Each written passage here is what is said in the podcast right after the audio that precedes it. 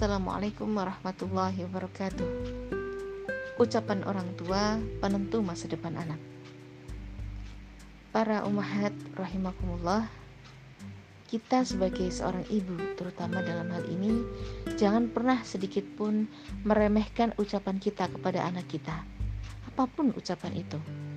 Bisa jadi dari ucapan inilah mungkin ucapan yang sederhana, mungkin ucapan yang kita ucap dengan kondisi marah dan sebagainya. Justru dengan kata-kata itulah akan menentukan ke mana anak kita akan meniti. Dia akan menjadi apa kelak dan siapa anak kita di masa depannya. Belajar dari sosok Muhammad Al-Fatih, seorang panglima yang atas izin Allah ditakdirkan untuk menaklukkan benteng Konstantinopel di Istanbul pada saat itu. Ternyata di balik kegemilangannya Muhammad Al-Fatih sebagai sang penakluk ada kekuatan motivasi yang luar biasa yang sering disampaikan oleh ibundanya. Motivasi yang bisa membangkitkan azam Muhammad Al-Fatih untuk menaklukkan benteng tersebut. Pada dulu kala, ibunda Al-Fatih sejak masih kecil sering mengajak Al-Fatih pada saat itu pada waktu sholat fajar untuk memperlihatkan padanya tembok-tembok Konstantinopel di Istanbul. Sang ibu berkata, Engkau wahai Muhammad Al-Fatih kelak akan membuka tembok-tembok ini nama Muhammad sebagaimana janji Rasulullah Shallallahu alaihi wasallam. Sang anak yang saat masih kecil itu pun berkata, "Wahai ibu, bagaimana aku bisa membuka kota yang besar ini?" Sang ibu berkata, "Dengan Al-Qur'an, kekuasaan, persenjataan dan cinta manusia." Pesan yang telah dikatakan oleh Ibunda Al-Fatih inilah yang kemudian mampu membentuk azam, membentuk tekad yang sangat bulat pada diri Al-Fatih yang saat itu kemudian membuat pribadinya itu menjadi sosok yang kokoh dan akhirnya mampu untuk membebaskan wilayah Konstantinopel pada tahun 1453. Allahu Akbar. Ternyata kalimat sederhana mampu menentukan arah anak. Maka dari itu, Jangan pernah meremehkan ucapan sekecil apa pun dari seorang ibu terutama atau orang tua kepada anak-anak kita.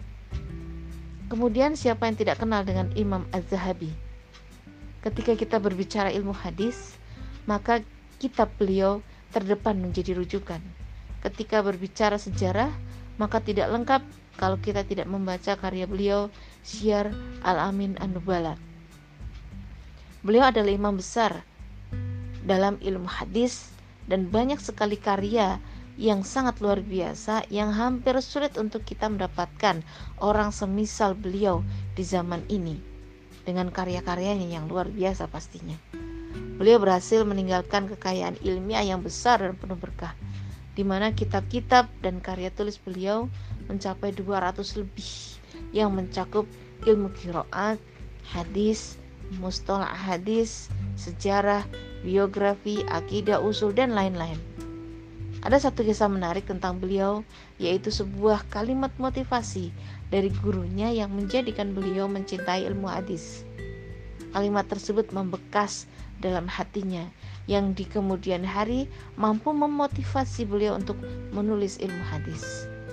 Satu kalimat yang ternyata bermanfaat sepanjang hayat beliau. Kalimat yang tulus dari sang guru beliau, Al-Barzali, Beliau mengisahkan, Suatu hari guruku melihat catatanku, maka beliau berkomentar, Gaya tulisanmu mirip sekali dengan tulisan para ulama hadis. Sejak itulah aku begitu cinta dengan tolabul ilmi. Aku mendengar hadis dari beliau dan ilmunya yang luas di bidang hadis dan tarikh begitu berkesan bagiku. Tertulis di dalam kitab Adurul Al-Kaminah. Oleh karena itu renungkanlah Bagaimana sebenarnya seorang ibu mampu memberikan motivasi kepada putra-putrinya yang masih kecil dengan motivasi yang mampu membangkitkan semangat untuk selalu menjadi yang terbaik, selalu memberikan manfaat bagi diri maupun orang lain, memotivasi yang mampu menghadirkan ruh percaya diri, mampu menaklukkan sesuatu yang mustahil. Seperti itulah Ibu Muhammad Al-Fatih mendidik anaknya di waktu berkah pagi hari setelah subuh dia tidak membiarkan anaknya terbiasa dengan tidur di waktu pagi. ia lakukan sesuatu yang menarik perhatian sang anak, memotivasi sang anak dengan sesuatu yang sangat besar. Motivasi berjuang berdasarkan agama dan kasih sayang, bukan spirit penjajahan. Nah, minimal dalam hal ini ada empat syarat ya yang harus dipenuhi untuk kita sebagai orang tua bisa merealisasikan sebuah cita-cita, mimpi dan harapan. Yaitu yang pertama Al-Qur'an, yang kedua kekuasaan, yang ketiga persenjataan, dan yang keempat cinta manusia. Ini seperti yang dipesankan oleh Ibu Muhammad Al-Fatih. Subhanallah. Ternyata hari ini banyak yang hanya memfokuskan satu tujuan saja kepada anak-anaknya dan melupakan syarat-syarat yang lainnya.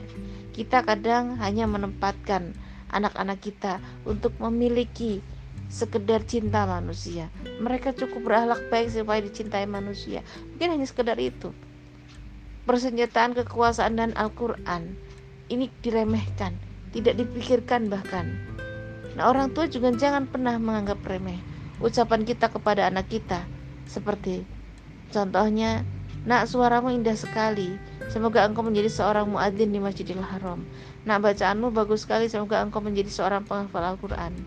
Nak suara bacaanmu itu sangat indah sekali. Semoga kelak engkau menjadi ulama besar yang mampu mempengaruhi banyak orang. Masya Allah.